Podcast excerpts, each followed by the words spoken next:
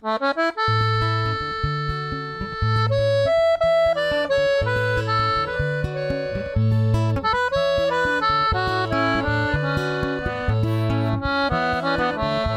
hører nå på en podkast fra Trondheim kommune og Dialogsenteret. Hei og velkommen tilbake til ny episo- episode av Dialogsenteret, eh, senterets postkast. Vi har eh, fortsatt Jan og Anette i studio, og meg, Pervin og Serafine. Vi skal fortsette der vi slapp fordi eh, vi syns eh, det er veldig viktig å forstå hvor alvorlige hendelser, hendelser familie har opplevd, og at det ikke er rart at noen får utfordringer. Og vi vil også si at åpenhet og det, det å søke hjelp kan hjelpe familien. Og det kan gjøre at familien med barn holder sammen. Og barnevernet og andre eh, hjelpeinstanser ønsker å hjelpe med å holde familien sammen. Og vi syns det er best at barn eh, bor med sine foreldre. Ok, Anette og Jan, eh, la oss fortsette der vi slapp forrige. Jeg kan bare understreke at eh, vi er enig eh, i barnevern. At eh, barn har det best med foreldre det er det overhodet mulig. Den nye loven som kom i januar, var en tidliggjøring av barnevernets ansvar for å tilrettelegge for samvær etter en eventuelt omsorgsovertakelse, for å sikre at det er en mulig vei tilbake for et barn etter en omsorgsovertakelse. Men i de aller fleste tilfeller, som vi har snakket om tidligere, er ikke omsorgsovertakelse en tiltak eh, som de fleste familier vil oppleve i møte med barnevern. Um, det er også veldig viktig å understreke at å være syk, å være traumatisert, et barn er traumatisert, eh, å være fattig, det er ikke grunnlag til å tenke barnevernstiltak eller omsorgsovertakelse. Det er symptomer som kan komme fra voldsomme vold som feil ord, en alvorlig eh, lidelse eller alvorlig reaksjon. Men først og fremst vil vi prøve å hjelpe barn eller familie å bearbeide det, istedenfor å tenke at den familien kan ikke være sammen. Fordi hovedmål er at foreldre skal være med barna sine, fordi alle har det bedre med sin egen familie. Ja. Og det som er viktig for meg å si, er også at uh, foreldre har en veldig viktig rolle når det handler om å ta vare på barn, også barn som har, er utsatt for eh, alvorlige traumatiske hendelser og fluktopplevelser. Det er en veldig alvorlig belastning for, for barn, særlig selvfølgelig å være i krig og være vitne til at andre mennesker blir drept, at eh, husene deres blir bomba, at man er at man ser voksne folk og andre barn også er fryktelig redd, det er en veldig stor påkjenning for barn. Og da har foreldre en veldig stor, eh, en stor og viktig rolle for å, for å hjelpe barna. Barn legger merke til mye mer enn vi tror, og barn legger merke til både hva som skjer rundt seg, og legger merke til hvordan foreldrene sine har det. Uh, og barn kan ha litt andre typer plager, eller plagene vises kanskje på andre typer måter enn de gjør til voksne ofte. Og så tenker jeg det er samtidig viktig å si at barn, de fleste barn, tåler ganske mye av belastninger og påkjenninger så lenge de har stabile og trygge voksenpersoner rundt seg. Det viktigste er at man har foreldre som viser tydelig kjærlighet og viser at, verden er, at de er trygge personer, at verden hjemme hos dem er trygg, eh, og at, eh, at de er elska. Eh, Men det som ofte skjer med barn, eller kan skje med barn som har både har vært på flukt og har vært utsatt for traumer, er at man får en del psykiske utfordringer. Det å flykte i seg sjøl er for barn veldig vanskelig, også hvis man ikke opplevd så veldig store påkjenninger under flukten og ikke opplevd så store traumatiske hendelser.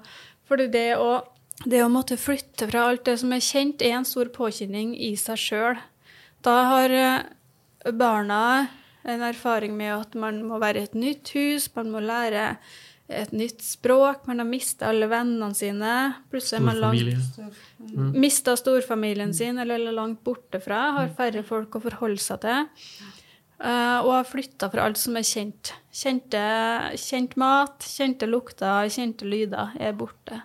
Sånn at det ofte er en forskjell mellom hvordan foreldrene reagerer i starten etter en flukt, når man har kommet fram til Norge også, enn, enn det barna gjør. Foreldrene tenker og opplever at nå er jeg endelig trygg, nå har jeg det bra, nå kan jeg slappe av, og, jeg kan være ganske glad helt i starten. Mens, mens, unnskyld, mens ungene kanskje har det helt motsatt i starten. At de bare kjenner at de, de vil bare hjem, de er sinte på foreldrene sine som har tatt dem bort fra alt det som er kjent, savner, sine, nei, savner vennene sine. Og det kan også skape konflikter fordi at foreldre og unger har så ulike opplevelser helt i starten. Men hvordan hjelper dere de foreldre, de foreldre som har barn som sliter på den måten? Mm.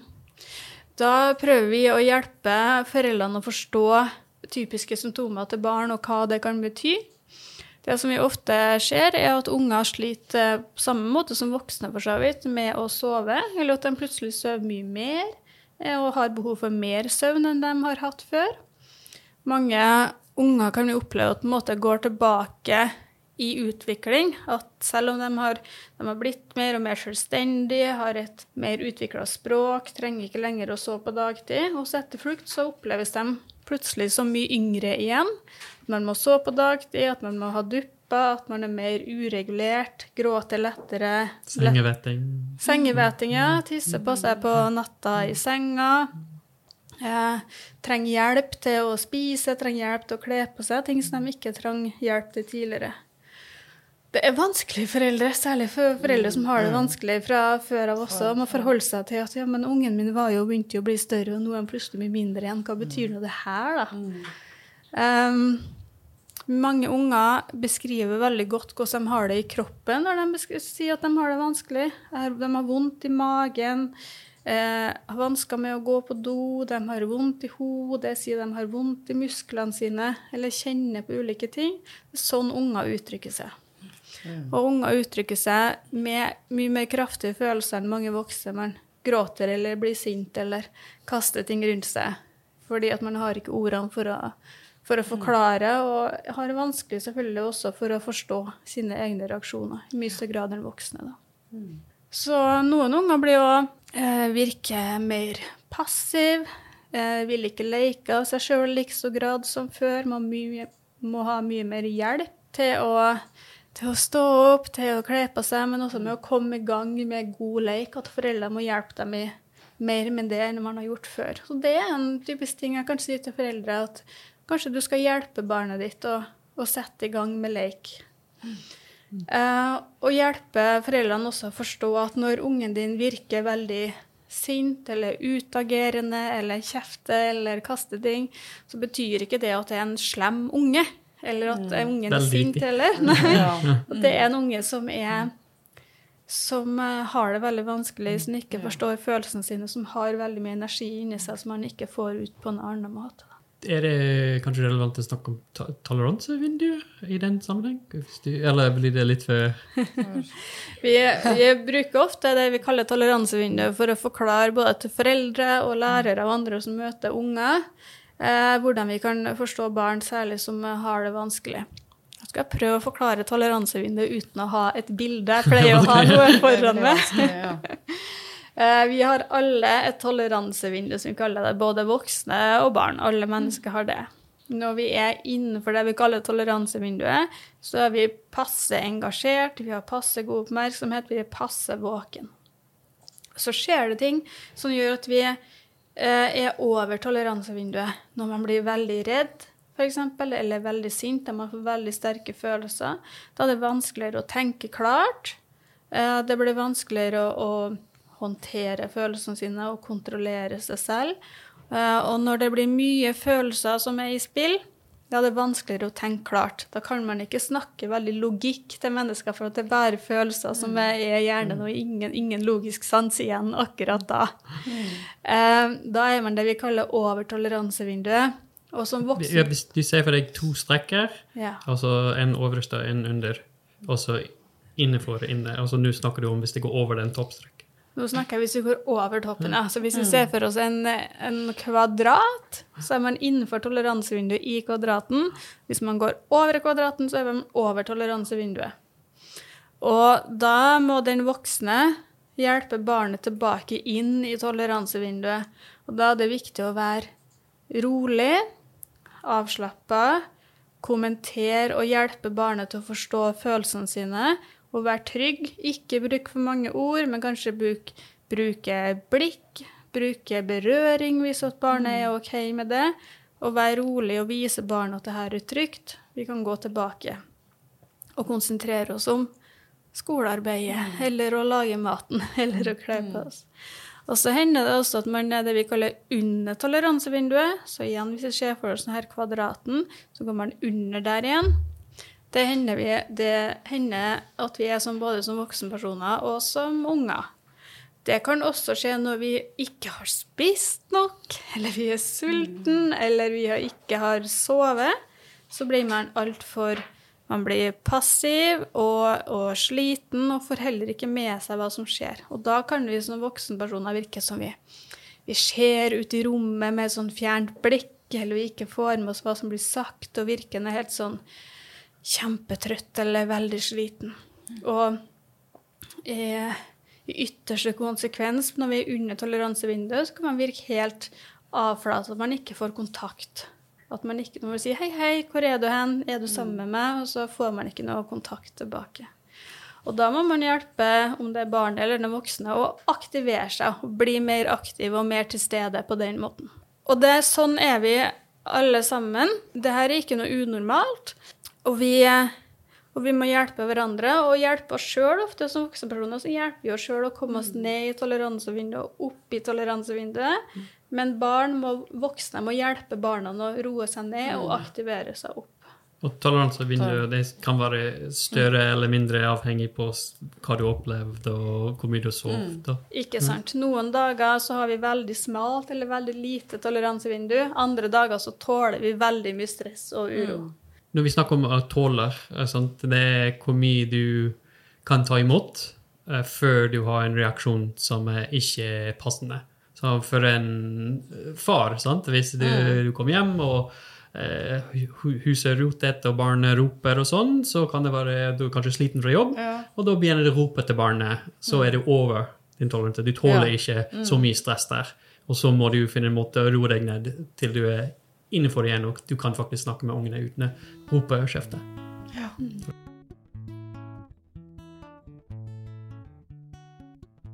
barn også som har måttet ha flykta fra det som er kjent, og særlig barn som er utsatt for veldig alvorlige ting, der man, ungene har vært redd for sitt eget liv og måtte ha frykte for sitt eget liv, er ofte redd for at foreldrene sine skal forsvinne fra dem.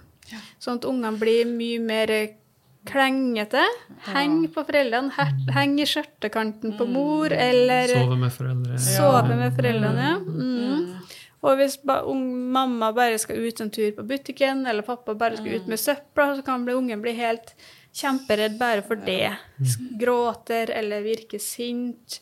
Blir veldig vanskelig å konsentrere seg når mamma og pappa ikke er det. For man er redd da, for at øh, verden raser litt sammen. Den ene trygge personen er borte fra deg, selv om det er bare over kort tid. Og da er det viktig å hjelpe foreldrene å forstå det, sånn at foreldrene kan si til barnet sitt nå skal jeg gå ut. Jeg er tilbake mm. om en halvtime, jeg er tilbake om 20 mm. minutter, eller jeg skal gå ut, men jeg kommer alltid tilbake. Mm. For barna må jo også lære seg etter hvert at uh, mamma og pappa er ikke der alltid. Mm. Ja. og mange unger er også fordi at, fordi at de er barn og ikke har opplevd så mye i livet, så er de kroppslige erfaringene og tankene og følelsene virker ofte skumle. Mm. Så ungene må Uh, må få hjelp til å forstå hva de her tankene betyr, og, og, få hjelp til å få sette ord på følelsene. For ungen så er det ofte bare et voldsomt ubehag og et eller annet som er veldig sterkt i kroppen. Og da kan det hjelpe ungen å si det virker for meg som du er redd. Det ser ut som du er redd, eller det virker som du er lei deg.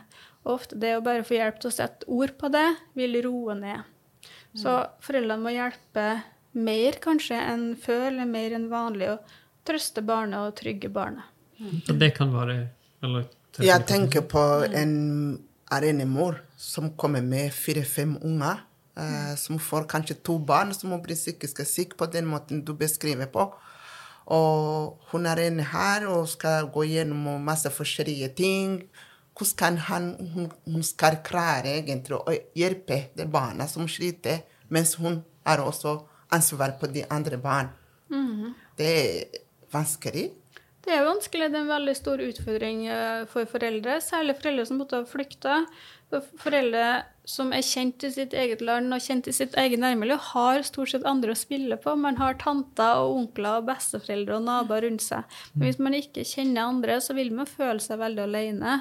Og da må man kanskje snakke med, med det offentlige eller andre. Snakke også med lærere på skolen som kan være flinke. Eh, ressurspersoner i nabolaget. Det her vet kanskje du mer om igjen også, hvor man kan gå. Helsesykepleie, Trondheims Hjelpe, for eksempel, er veldig eh, bra tiltak. Eh, Det er, sånn, det er mange forskjellige tiltak en familie kan få, eh, men det er veldig reelt. Det du snakker om, det er press, fordi kanskje mor har introduksjonsprogram og må få lov til å lære nye regler om hvordan eh, hva forventninger til barnehage og skole er. Så det er veldig mye å ta inn over seg. Også det er viktig å hjelpe dem å forstå at ting kan bli enklere. Altså det er en overgangsperiode, og så vi må finne en måte å støtte det. Men det er vanskelig å si akkurat hva passer i den situasjonen. Men, men det er tiltak. Sånn. Fordi de får, selv om det er tiltak, men de får ikke sånn eh, den hele gjengen som var i hjemlandet. Tante og onkel, ikke sant? eller nabo og sånn. Vi har ikke Eh, barnevakt. Nei, det, det er ikke sånn, men det er bare hvordan En ting som vi er veldig fokus, fokusert på i barne- og familietjenesten Mm. og barnevern, er et uh, nettverk. Og hvordan skal vi hjelpe folk bygge nettverk og Ja. bruke sitt nettverk? Er Fordi viktig. de er mye mer tilgjengelige og mye mer støttende enn en offentlig apparat uh, er. rett og slett. mm, Ja, det, den kan være en god hjelp. Så det er også viktig å si, tenker jeg, at barn også tåler å se at mamma og pappa er sint, eller tåler å se at mamma og pappa er lei seg, så lenge de får en forklaring på hvorfor. Veldig viktig.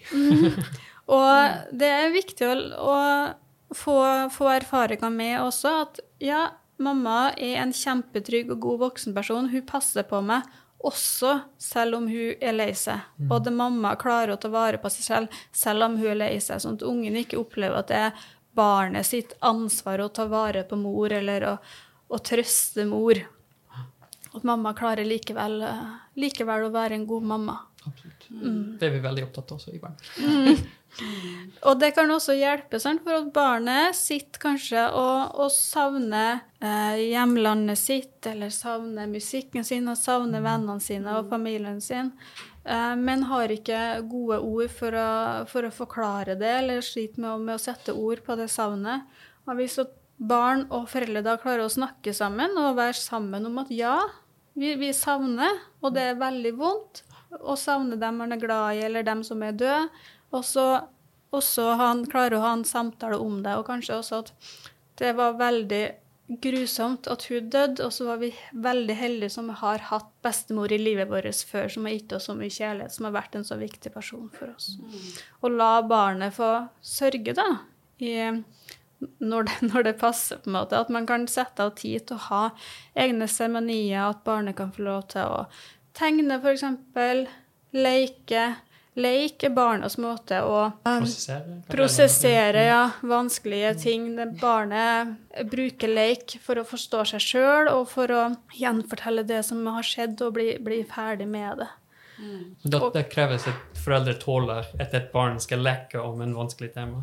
Det tåler det, og det tåler at foreldrene Nei, un- foreldrene må også tåle at barna stiller vanskelige spørsmål, ganske konkrete spørsmål, og foreldrene må tåle at barna snakker om dem de savner, og ting som har skjedd. Kanskje foreldrene ønsker å glemme, ikke ønsker å snakke om det, og så må man likevel tåle at barnet trenger å prosessere på sin måte gjennom tegninger, gjennom leik og gjennom å stille spørsmål. Det kan være fint å se på bilder sammen, la barnet få tegne og fortelle eventyr. Kanskje kan man oppfordre de eldre barna som kan å skrive og lese, til å skrive dagbok, til å skrive ned fortellingene sine. Og så handler det ikke minst om å prøve å gjøre gode og fine ting sammen, og skape nye, gode erfaringer sammen.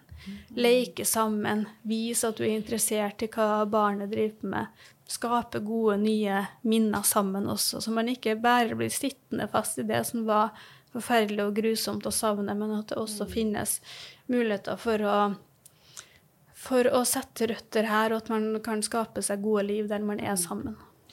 Fordi det som er veldig viktig, som når vi snakker om barn, snakk med barn, som du sier, Anette, og du, Jan, også. Som fordi de som er fra andre land og andre kulturer og sånn, det er ikke, eh, vi er ikke så vant til de landene som de er fra, å snakke med barn, f.eks. Mm. Og det er ikke veldig vanlig. Og det er ikke så om man eh, OK, det er en periode som vi tenker sånn OK, han eller hun De er barn. De forstår ikke så mye. De er barn. Så når det kom som litt, blir litt større eller eldre og sånn, så da forstår de ikke så mye til de barna. Prøver de skylder mange ting fra barna. Og kom til f.eks. Norge eller et annet land. Det her er litt annerledes. Du snakker med barn. Du forteller til barn. Så skal jeg Og de, hvor mye jeg skal si. Skal jeg si alt? Ikke? Og blir det vanskelig? Det er sånn det er veldig viktig å foreldre vite og forstå at nå det er ikke eh, For eksempel, det er ikke farlig, eller eh, det går bra hvis du snakker med barna. Det er veldig, veldig viktig for foreldre å vite om det. Eller når jeg har det vanskelig i dag, jeg kan si det til barna. Det går bra. Eller hva som skjedde i hjemlandet. Det går bra. Hvis jeg forteller litt til barna. Det er ikke farlig. det er ikke, Barnevern kommer ikke ta barna. Nei, nei. ikke sant? Tvert imot. Uh, mm. Helst folk får uh, be om hjelp og, og diskutere sånne, sånne ting med ja. foreldre. Men selvfølgelig tilpasset alder. Så du skal ikke beskrive hvordan du var voldtatt til en syvåring. men, men mm. du kan innrømme at det var en effekt, og, og ja. det var vanskelig. Fordi det å snakke med barn det er ikke veldig vanlig i andre kultur. Men det var ikke så vanlig i, sånn i Vesten eller sånn i Norge og i USA før. Mm. altså nå er jeg litt på tinism, men jeg mm. husker ikke, jeg tror det var 80- eller 90-tallet før det var akseptert at babyer kunne tenke og, og ha det, det, samme type følelse. Og, og egentlig var jeg ikke bare sånn dukke, nesten. Mm. Så det var ikke veldig lenge siden. Nei. Så det var i min uh,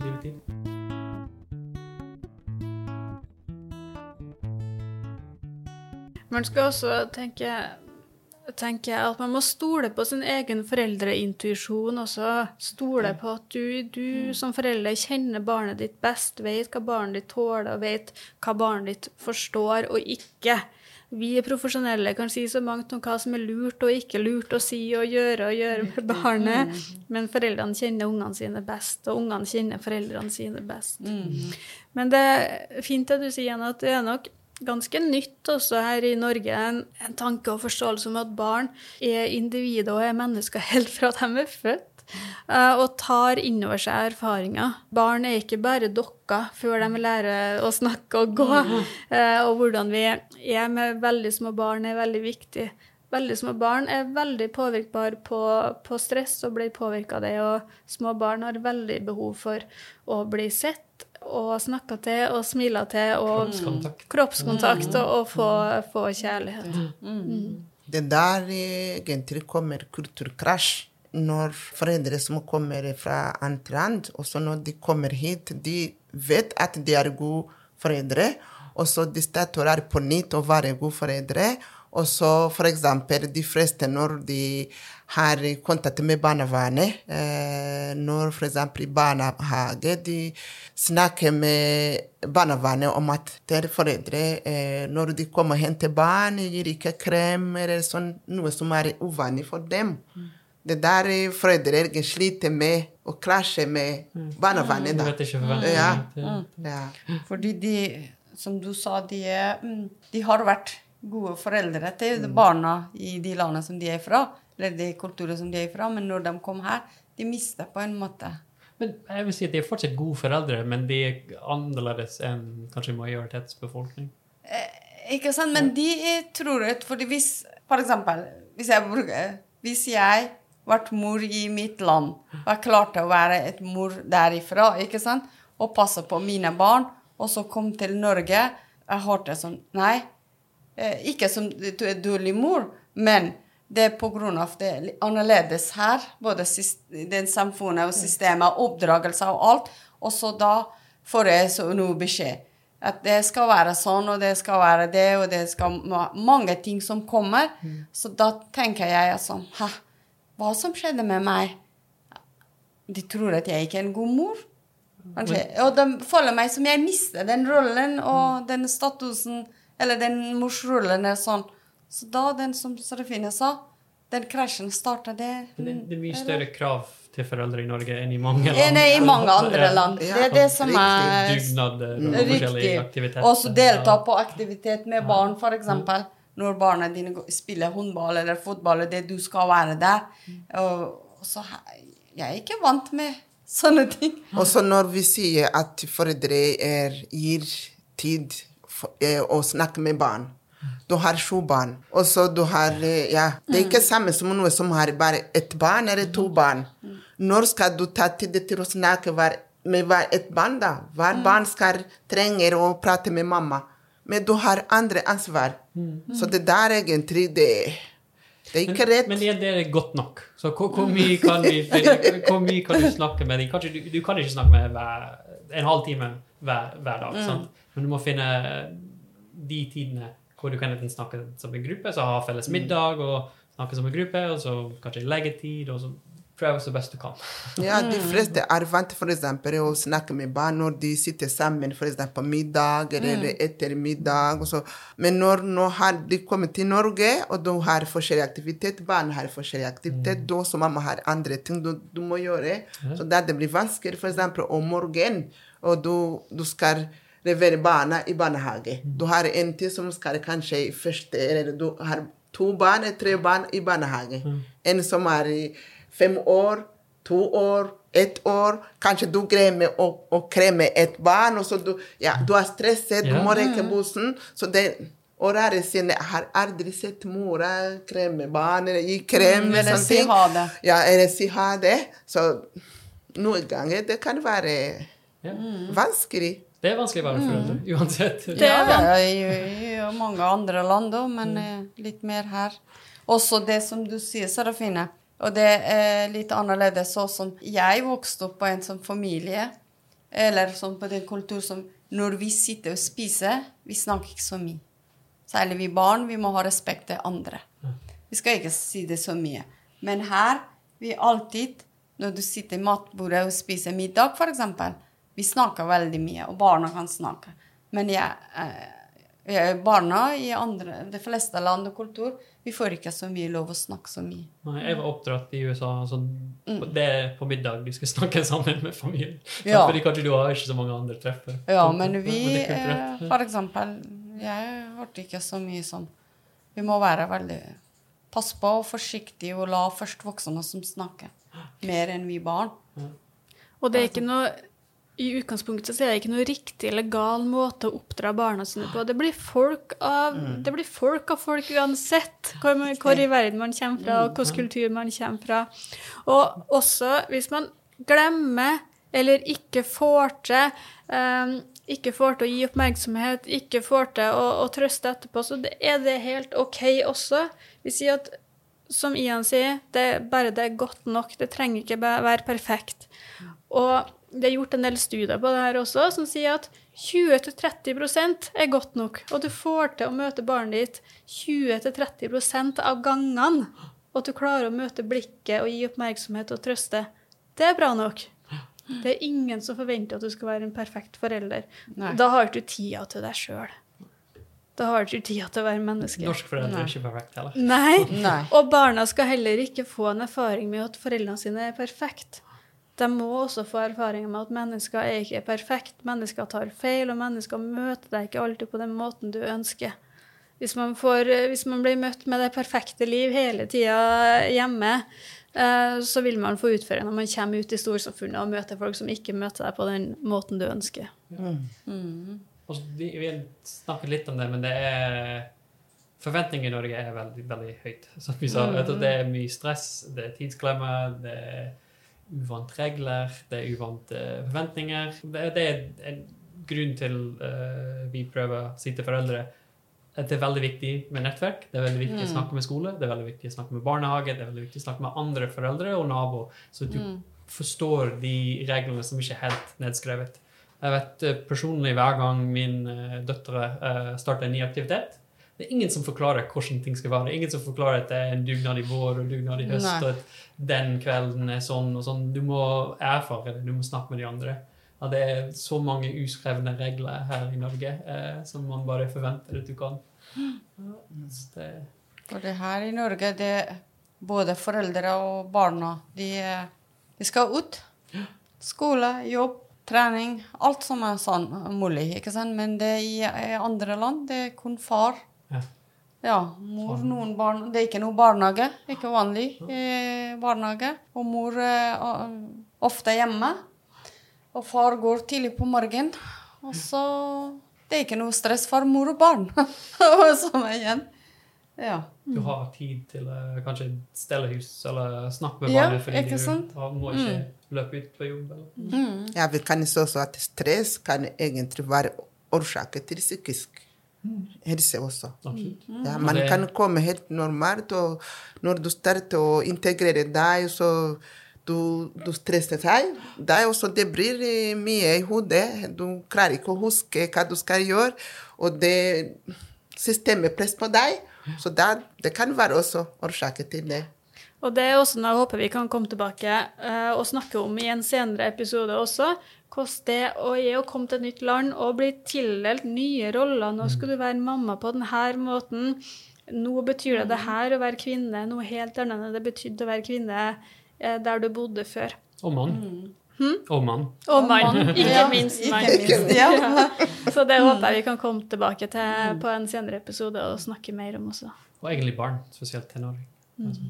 Ikke sant? Ja. Ja, ok dere, dette er, Arva Virake for den gang. Tusen takk for at dere kom med. Eh, jeg tror kanskje vi må invitere dere tilbake, du, Anette og Ian. Vi må bare takke dere. Ja, uh, hva skal jeg si? Telefonnummer, eller vi Jeg skal gi noen telefonnummer, men det har jeg ikke sett. Eh, Barnevernsvakter er en veldig viktig eh, telefonnummer. Hvis du uh, vil ringe barnevern, hvis du vet om et barn som trenger hjelp, øhm, så er det veldig greit å ta kontakt med oss. Enten uh, det er en mottak i din bydel, det er fire forskjellige telefonnummer, men hvis de ringer feil, det er helt innenfor. Men utenfor arbeidstid så kan man ringe eh, 90 28 70 37 eller 02800 for å komme i kontakt med barnevernsvakter som jobber kveld og helg. Tusen takk for at eh, jeg fikk komme. Jeg har også lært veldig mye av å sitte her, og jeg gleder meg til å komme tilbake neste gang. Det er veldig hyggelig å snakke med deg, med alle dere. Ja, det var hyggelig at dere kom med. Og, eh, til våre lyttere, fortsett å følge vår podkast på Spotify og SoundCloud. Og hvis du har kommentar og forslag til tema, så kontakt oss på telefon 90 57 36 84. Den er telefonen til Dialogsenteret. Du har hørt om en podkast av Dialogsenteret Trondheim kommune. I studio var Parvin Nasir, Ian Persi, Annet Hasser og meg, Serafina Habarurema. Produsent Anna Knudsen. Teknisk ansvarlig Kurtney Kirio. Musikk av Sunniva Sjåstad Hovde og Rosha Volle.